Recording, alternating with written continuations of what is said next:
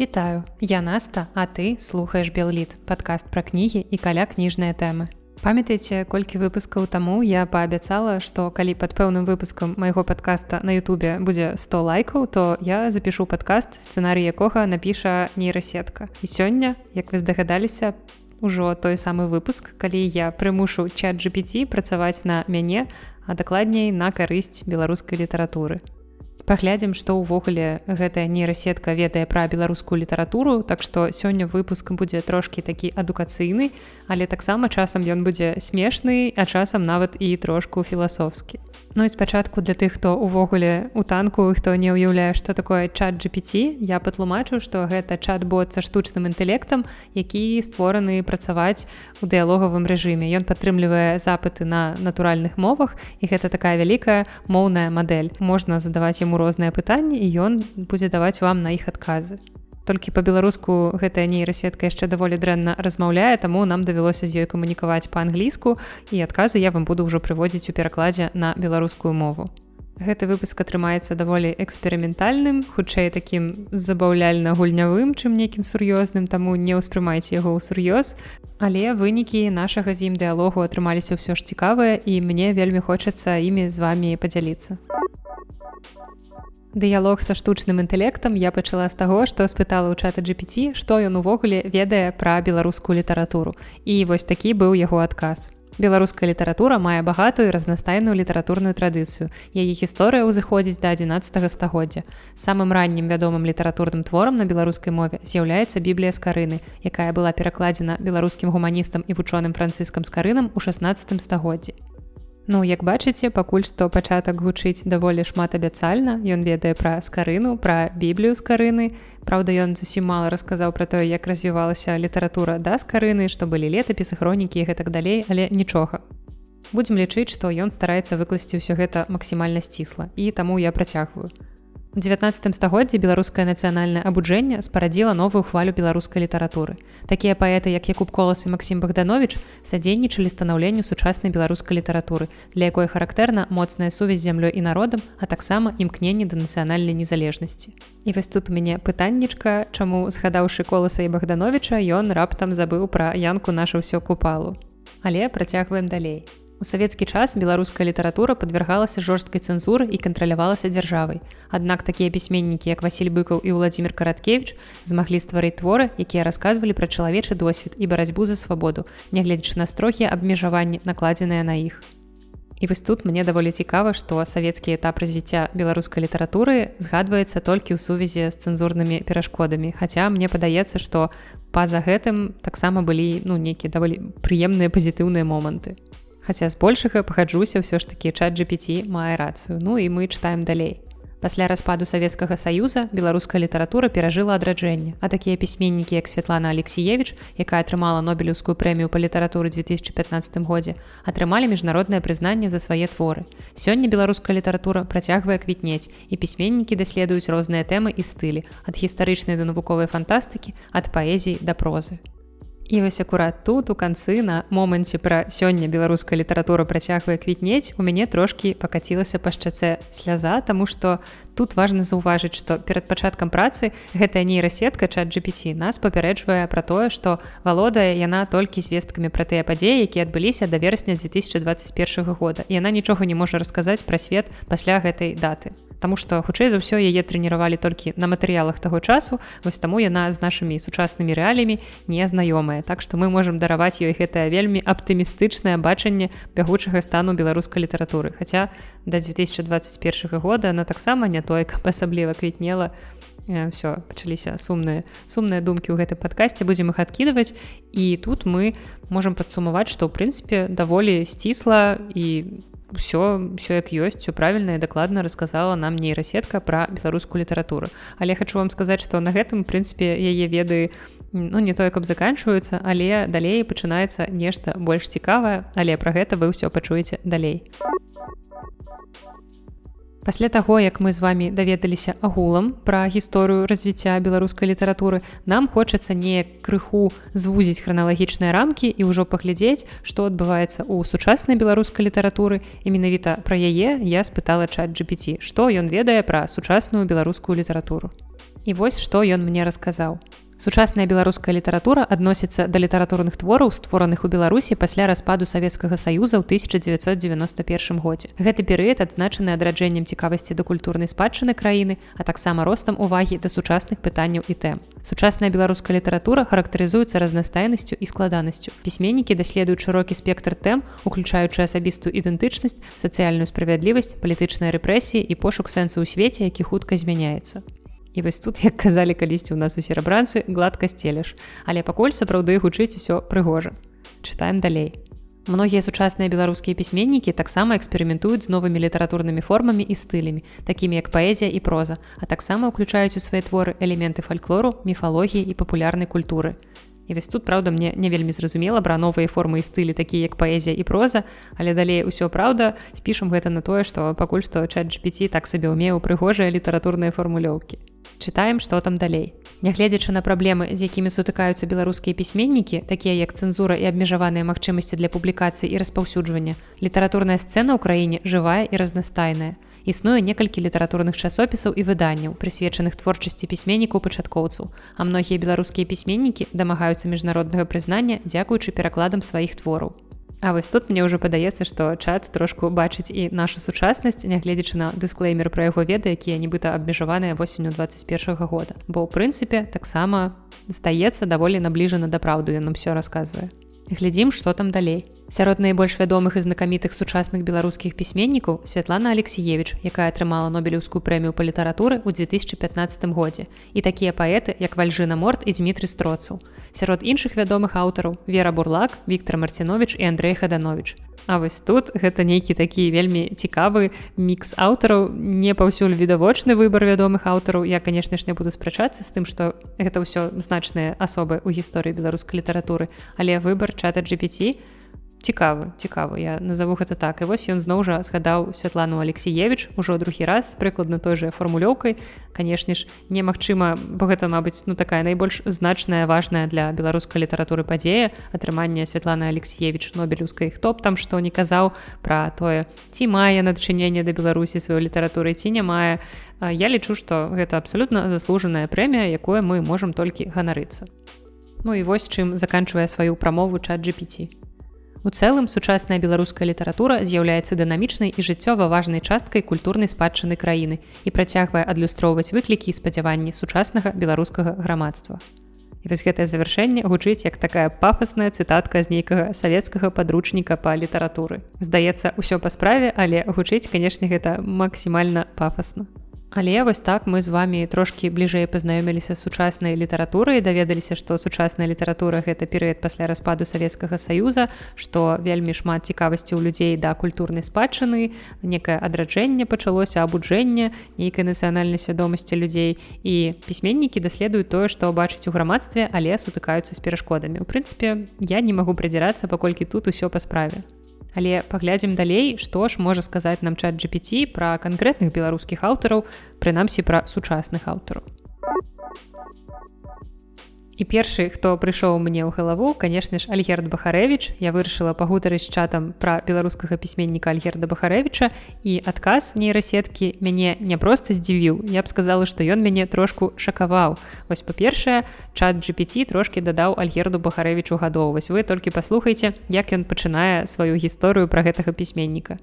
Альгерд Бахарэвіч, беларускі празаік, паэт і журналіст. Нарадзіўся 3 лютага 1937 года ў мінску, Беларусь. Ён лічыцца адным з самых значных беларускіх пісьменнікаў два стагоддзя.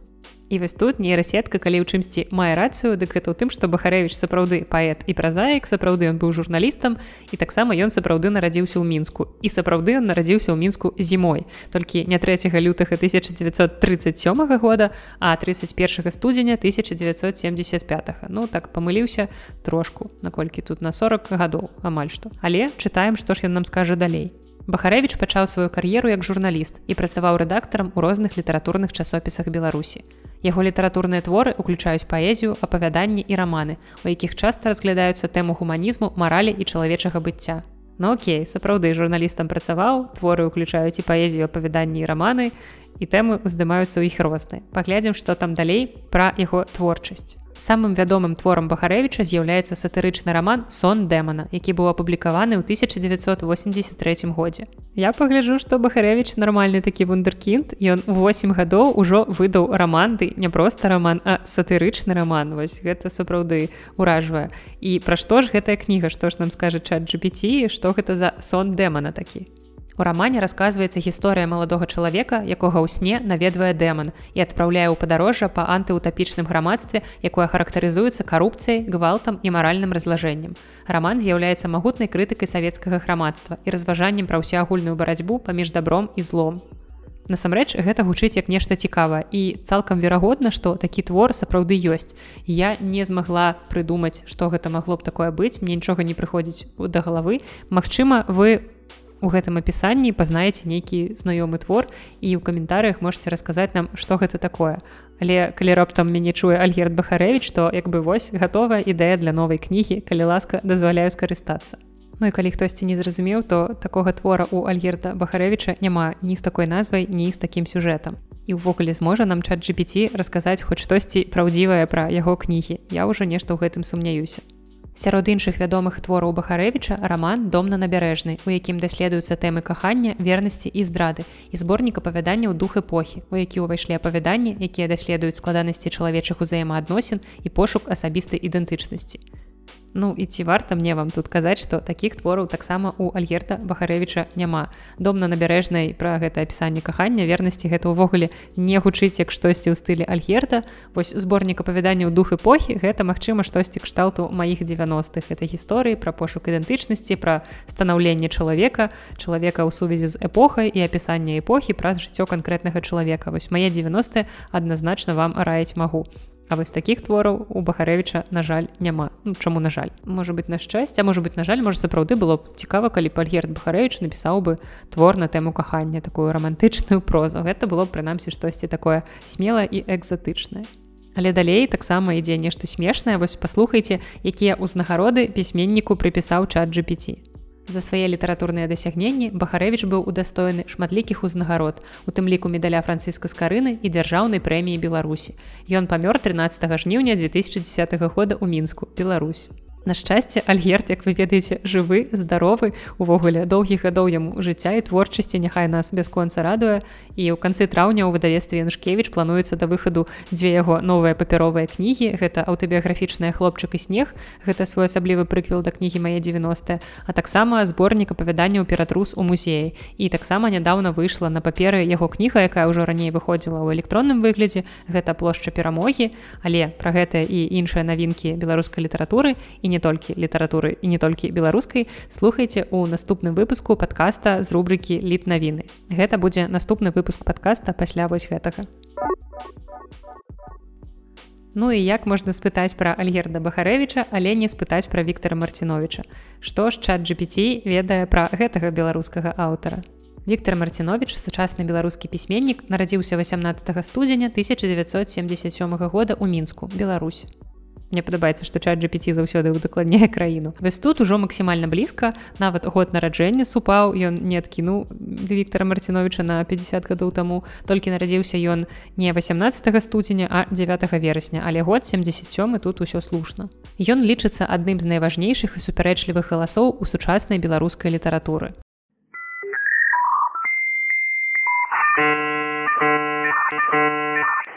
Не пужайцеся, гэта я загружаюся і спрабую асэнсаваць усю супярэчлівасць голасу Віктора Марціновича ў сучаснай беларускай літаратуры і нешта нічога ў мяне не атрымліваецца, але чытаем далей. Марцінович пачаў сваю літаратурную кар'еру ў канцы 90-х гадоў і атрымаў прызнанне за свой смелы і правакацыйны стыль пісьма.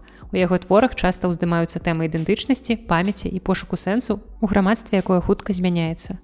Ну літаратурную кар'еру ўвогуле Марцінович мог пачаць несвядома яшчэ з нараджэння, але насамрэч першую кнігу ён апублікаваў толькі ў 2009 годзе прыкладна праз 20 гадоў пасля таго як яму гэта прыпісаў чат GPT а далейшае мне проста ўвогуле было складана чытаць без смеху асабліва вось пра смелы і правакацыйны стыль пісьма.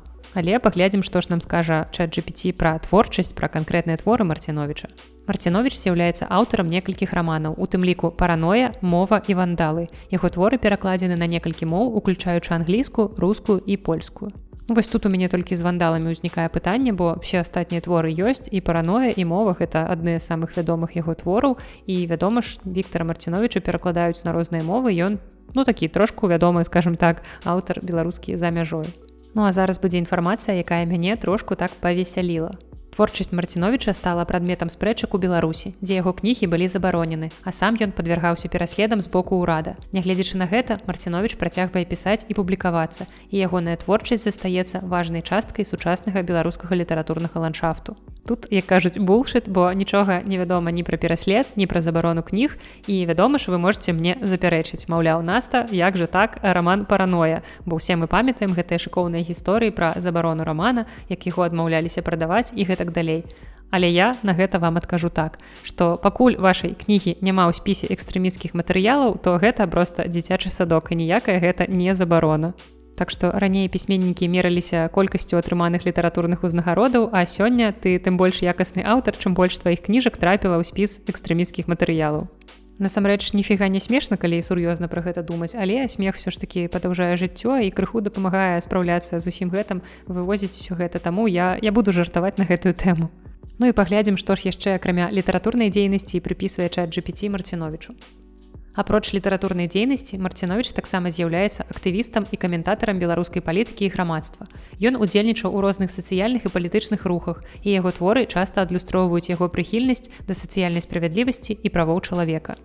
І тут насамрэч таксама вельмі мала супадзенняў з рэчаіснасцю. Усё ж такі ў наш час Віктор Марцінович больш вядомы як адзін з самых папулярных беларускіх аўтараў, ён нам больш вядомы сваёй літаратурнай дзейнасцю, чым нейкай там палітычнай або грамадскай актыўнасцю. Ну і далей ужо па класіцы чат прыпісаў аўтару розныя ўзнагароды. Марцінович атрымаў мноства ўзнагарод за свае літаратурныя дасягненні, у тым ліку літаратурную прэмію імя ежы гідройця і літаратурную прэмію горада мінска. Ён застаецца важнай і ўплывовай постаццю ў сучаснай беларускай літаратуры і культуры. Наконт важнасці ўплывовасці я спрачацца не буду, як я ўжо сказала, гэта сапраўды адзін з найпапулярнейшых сучасных беларускіх аўтараў. Але вось наконт прэміі ежы гідройця гэтай прэміі ў яго дакладна няма. наконт прэміі літаратурнай прэміі горада мінска я ўвогуле не ведаю, што гэта такое, мне здаецца, чат GPT проста выдумаў гэтую ўзнагароду.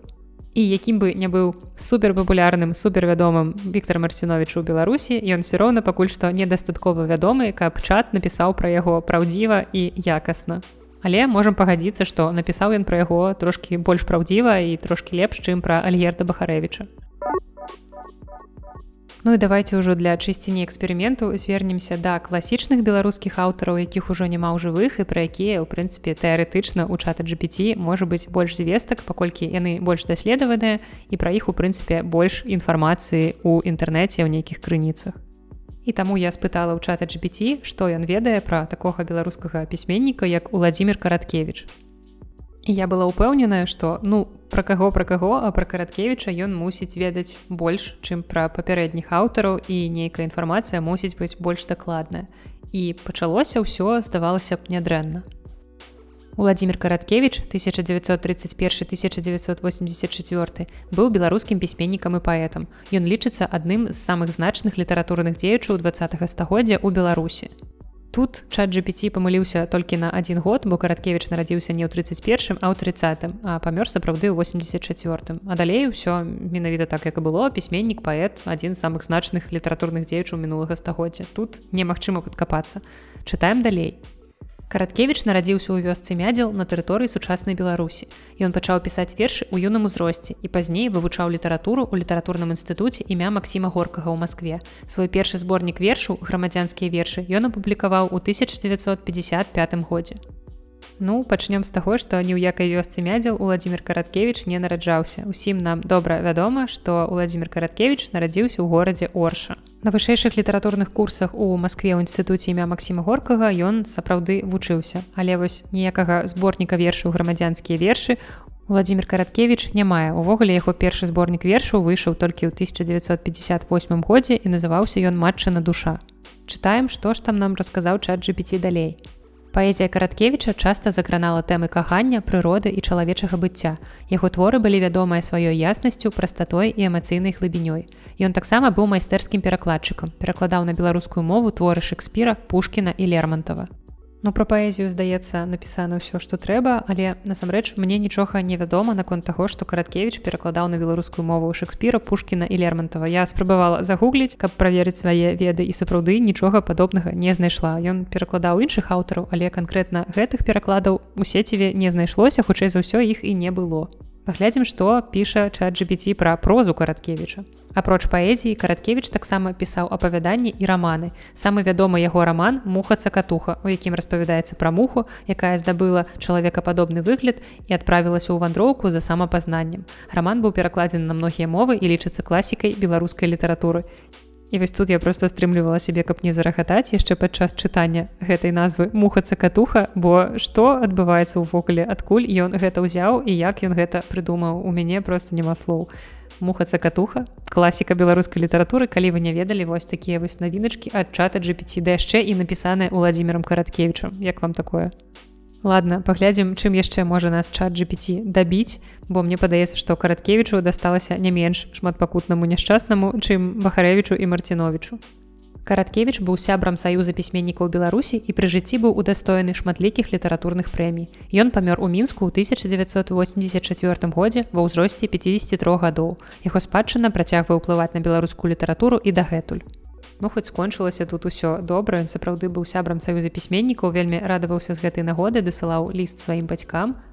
Літаратурныя ўзнагароды сапраўды атрымліваў і памёр сапраўды ва ўзросце 53 гадоў не дажыўшы да свайго 54годдзя Ну і ўплыў караткевіча на сучасную літаратуру немагчыма недаацаніць калі вы любіце творчасць гэтага аўтара то напрыклад вам раю звярнуцца да прозы людмілы рублеўскай да яе дэтэктываў да яе гістарычных прыгодніцкіх твораў любоў людмілы рублеўскай да владимира караткевича просто відавочная амаль у кожным яе творы гэта прасочваецца. Таму калі вы цікавіцеся творчасцю караткевича і ўжо перачыталі ўсё што было і хочаце чагосьці новага то калі ласка вось людміла рублеўская добры варыянт. Але як бачыце нават тое што ты класік беларускай літаратуры не ратуе цябе ад таго каб джад GBT пісаў пра цябе нейкую поўную лухту. Ну ладно не поўную частковую частковую лухту Таму эксперыменты з канкрэтнымі персаналямі беларускай літаратуры на сёння мы скончым і далей пагаворым пра канкрэтныя творы або ўвогуле паразважаем пра стан лёс беларускай літаратуры. І далей я вырашыла паглядзець, ці можа нейрасетка мне параіць, што пачытаць.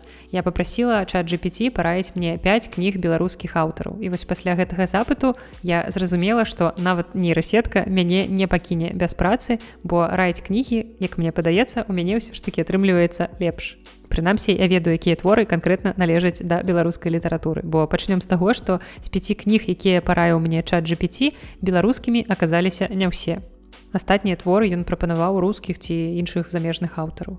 Другая праблема выявілася ў тым, што нават правільна назваўшы беларускіх аўтараў, чат часам выдумляў ім нейкія іншыя творы. Напрыклад, вось паглядзім на першы пункт спіса гэта Аксана Владзіміра Арлова, раман пра жыццё маладой жанчыны ў Беларусі за савецкім часам. Я гугліла як магла, але падобнага твора ў Арлова не знайшлося ніякага нават самага дробненькага апавядання. Таму, як мы бачым, недасканаласць чата GPT на відавоку. Ідём далей, другая кніга The Dead Lake Хаміда Ісмаілова. Раман пра чарнобыльскую катастрофу з пункту гледжання беларускай жанчыны. Я спецыяльна не пераклала гэты твор, падала яго як мне даў чат GPT па-англійску тому што арыгінальная назва ў гэтых твора вельмі смешная але пра гэта далей. Пачнём з таго што хамід ісмаілаў узбецкі журналіст і пісьменнік. Ён быў вымушаны эміграваць з радзімы ў великкабрытанію а на радзіме ён увогуле забаронены. І вось гэты твор the dead lake у яго сапраўды ёсць. І ў арыгінале гэты твор называется вундеркінд ержан Гэта аповесць пра экалагічную спадчыну халоднай вайны і галоўны герой ержан расце ў аддаленай частцы Казахстана, дзе савецкі саюз праводзіць выпрабаванні атамнай зброі. Як вы бачыце, ніякага чарнобылю вачыма жанчыны тут няма, але ёсць семіпалацінскі ядзерны палігон. Ну і да беларускай літаратуры, як вы разумееце, гэты твор не мае ніякага дачынення. Магчыма, гэты твор таксама цікавы для прачытання, калі вам цікавая тэма атамнай зброі. Таму, калі што можете пачытаць яго, ён ёсць вось і па-руску і па-англійску. Далей ужо трошку бліжэй да беларускай літаратуры але настолькі ж блізка як першы пункт владимир орлоў тому что тут зноў жа беларуская аўтарка але невядома які твор. І трэці пункт які мне параю чат gpt гэта сцяна Святланы алексеевич зборнік інтэрв'ю з людзьмі якія перажылі савецкую эпоху ў беларусі. І тут мне падаецца Святлане алексеевич далей кнігу Васіля быкова і апісанне яе ўласнай кнігі час секонд-хенд Але гэта ўжо трэці выпадак, калі ў размове з чатам GPT у мяне ўзнікае імя Святланы Алексеевич, бо гэта сапраўды важна, як вы бачыце асоба ў беларускай літаратуры для сучаснага этапу развіцця нашай літаратуры, што чат GPT перыядычна так устаўляе яе ў свае тэксты. Але працягваем і чацвёртая кніга, якую чат GPT нам раіць гэта дзікае паляванне караля стаха Владимира караткевича і тут просто бінга, але ёсць нейкія пытаннічкі з апісаннем твора ён піша роман пра легендарнага беларускага правіцеля, які да гэтага часу пераследуе вёску. Трошку трошкі штосьці тут не так у мяне ёсць пытаннічкі да апісання гэтага сюжэту. Але ура нарэшце на чацвёртай спробе ён змог правільна назваць беларускага аўтара і ягоны твор. Ну і апошні пяты пункт канешне мяне таксама павесяліў. Гэта час жанчын алены чыжовай. Гэты раман даследуе жыццё трох пакаленняў жанчын у беларускай сям'і паказваючы іх барацьбу і перамогі над сацыяльнымі ўзрушэннямі. Але рэч у тым што алена чыжова гэта сучасная расійская пісьменніца. І время женщин сапраўды ў яе ёсць такі раман У 2009 годзе за яго яна атрымала прэмію рускі букер. І гэта сапраўды гісторыя трох пакаленняў жанчын адной сям'і, толькі вось да Беларусі яны не маюць абсалютна ніякага дачынення. Яны жывуць увогуле ў піцеры. І якую з усяго гэтага я магу зрабіць выснову, Мне падаецца, што калі так пойдзе далей, то нейрасеткі не забяруць у мяне працу дакладна калі хочаце каб я вам параіла канкрэтную кнігу сапраўды параіла лепш чым чат GPT то калі ласка просто напишитеце ў каментарях свой запыт пастарайцеся максімальна падрабязна на якой мове якая тэма вас цікавіць і гэтак далей. І я пастараюся параіць вам кнігу падысці да гэтага з усёй душой а не з бяздушным штучным інтэлектам Ну і далей я вырашыла ўсё ж такі прымусіць чат GPT трошкі паразважаць на глыбокія філасофскія тэмы. І мы пачнём з такога фундаментальнага пытання, чаму людзі чытаюць беларускую літаратуру. І вось што на гэты конт думае нейрасетка. Людзі чытаюць беларускую літаратуру па розных прычынах. У тым ліку першае вывучэнне культуры. Беларуская літаратура адкрывае акно ў культуру і гісторыю Беларусі, даючы чытачам уяўленне пра традыцыі, каштоўнасці і лад жыцця краіны. Ну тут все окей, не паспрачайся, ідём далей. Другі пункт. Інтэлектуальнае ўзбагачэнне. Многія беларускія аўтары вядомыя сваімі праніклівымі каментарыямі пра грамадства і чалавечую прыроду, што робіць іх творы каштоўнай крыніцай інтэлектуальнага і філасофскага пошуку. Тут я просто захлынулася ў пафаснасці. І мне здаецца, што гэта ўсё ж залежыць ад таго, якіх беларускіх аўтараў вы чытаеце. Я не буду прыводзіць тут канкрэтныя прыклады, але вы зразумелі мяне. Гэта ў прынцыпе датычыць і любой літаратуры, бо ў любой літаратуры ёсць свае, канешне ж, шэдэўры, якія наўрад ці назавеш каштоўнай крыніцы інтэлектуальнага і філасофскага пошуку. Але ідём далей трэці пункт асабістая сувязь. Для людзей з беларускім паходжаннем або для тых, якія маюць асабістую сувязь з гэтай краінай, чытанне беларускай літаратуры можа даць адчуванне сувязі са сваімі каранямі і больш глыбокае разуменне гісторыі сваёй сям'і. Ну і тут акрамя таго што людзі з беларускім паходжаннем ёсць я магу яшчэ дадаць і людзей у эміграцыі бо мне падаецца што многія з іх якраз і зацікавіліся беларускай літаратурай ці культурай беларускай увогуле акурат пасля таго як з беларусі яны з'ехалі. Ці прынамсі пачалі больш актыўна цікавіцца гэтым менавіта тады калі аказаліся па-за межамі роднай краіны. Сумна але як бы што паробіш лепш так чым ніяк Чацвёрты пункт літаратурная каштоўнасць. Як і літаратура любой краіны, беларуская літаратура мае свае унікальныя мастацкія і літаратурныя якасці, уключаючы адметныя стылі, тэмы і тэхніку апавядання. У цэлым людзі чытаюць беларускую літаратуру па тых жа прычынах, што і літаратуру любой іншай краіны, каб вучыцца, забаўляцца і інтэлектуальна стымулявацца. І тут апошні сказ я цалкам падтрымліваю. У прынцыпе, няважна, якую літаратуру вы чытаеце літаратуру якой краіны, кожная мае свае перавагі і кожная мае зразумела свае недахопы. Але ж вы не думалі, што я скончу ўсё так пазітыўна і чытаюць беларускую літаратуру сапраўды не ўсе, таму я спытала ў чата GPT, а чаму ж людзі не чытаюць беларускую літаратуру. Мы іх вядома ж асуджаем, але цікава даведацца, якая ў іх матывацыя паводле меркавання чата GPT. І першы пункт адсутнасць дасведчанасці. Многія людзі могуць не ведаць пра беларускую літаратуру, асабліва калі яна не была шырока перакладзена ці не прасоўвалася ў іх краінах. Ну тут мне падаецца чат GPT хутчэй мае на ўвазе замежных чытачоў, чаму людзі не чытаюць беларускую літаратуру за мяжой жывучы ў іншых краінах. І гэта сапраўды такая балючая праўда і менавіта таму я вось тут расказваю вам пра кнігі, але я абмяжоўваюся выключна беларускай аўдыторыі і магчыма яшчэ мяне могуць паслухаць людзі, якія ў прынцыпе разумеюць беларускую мову ў рассіі ці ва ўкраіне. Дарэчы, вось мне цікава, колькі сярод маіх слухачоў расіян, украінцаў або жыхароў іншай краіны, людзей іншай нацыянальнасці, але якія валодаюць мовай і могуць мяне слухаць. Калі ласка, калі вы з нейкай суседняй або не суседняй краіны, але вы не беларус паводле нацыянальнасці то калі ласка напишите мне ў каментарях мне вельмі цікава даведацца адкуль вы і чаму вы мяне слухаеце.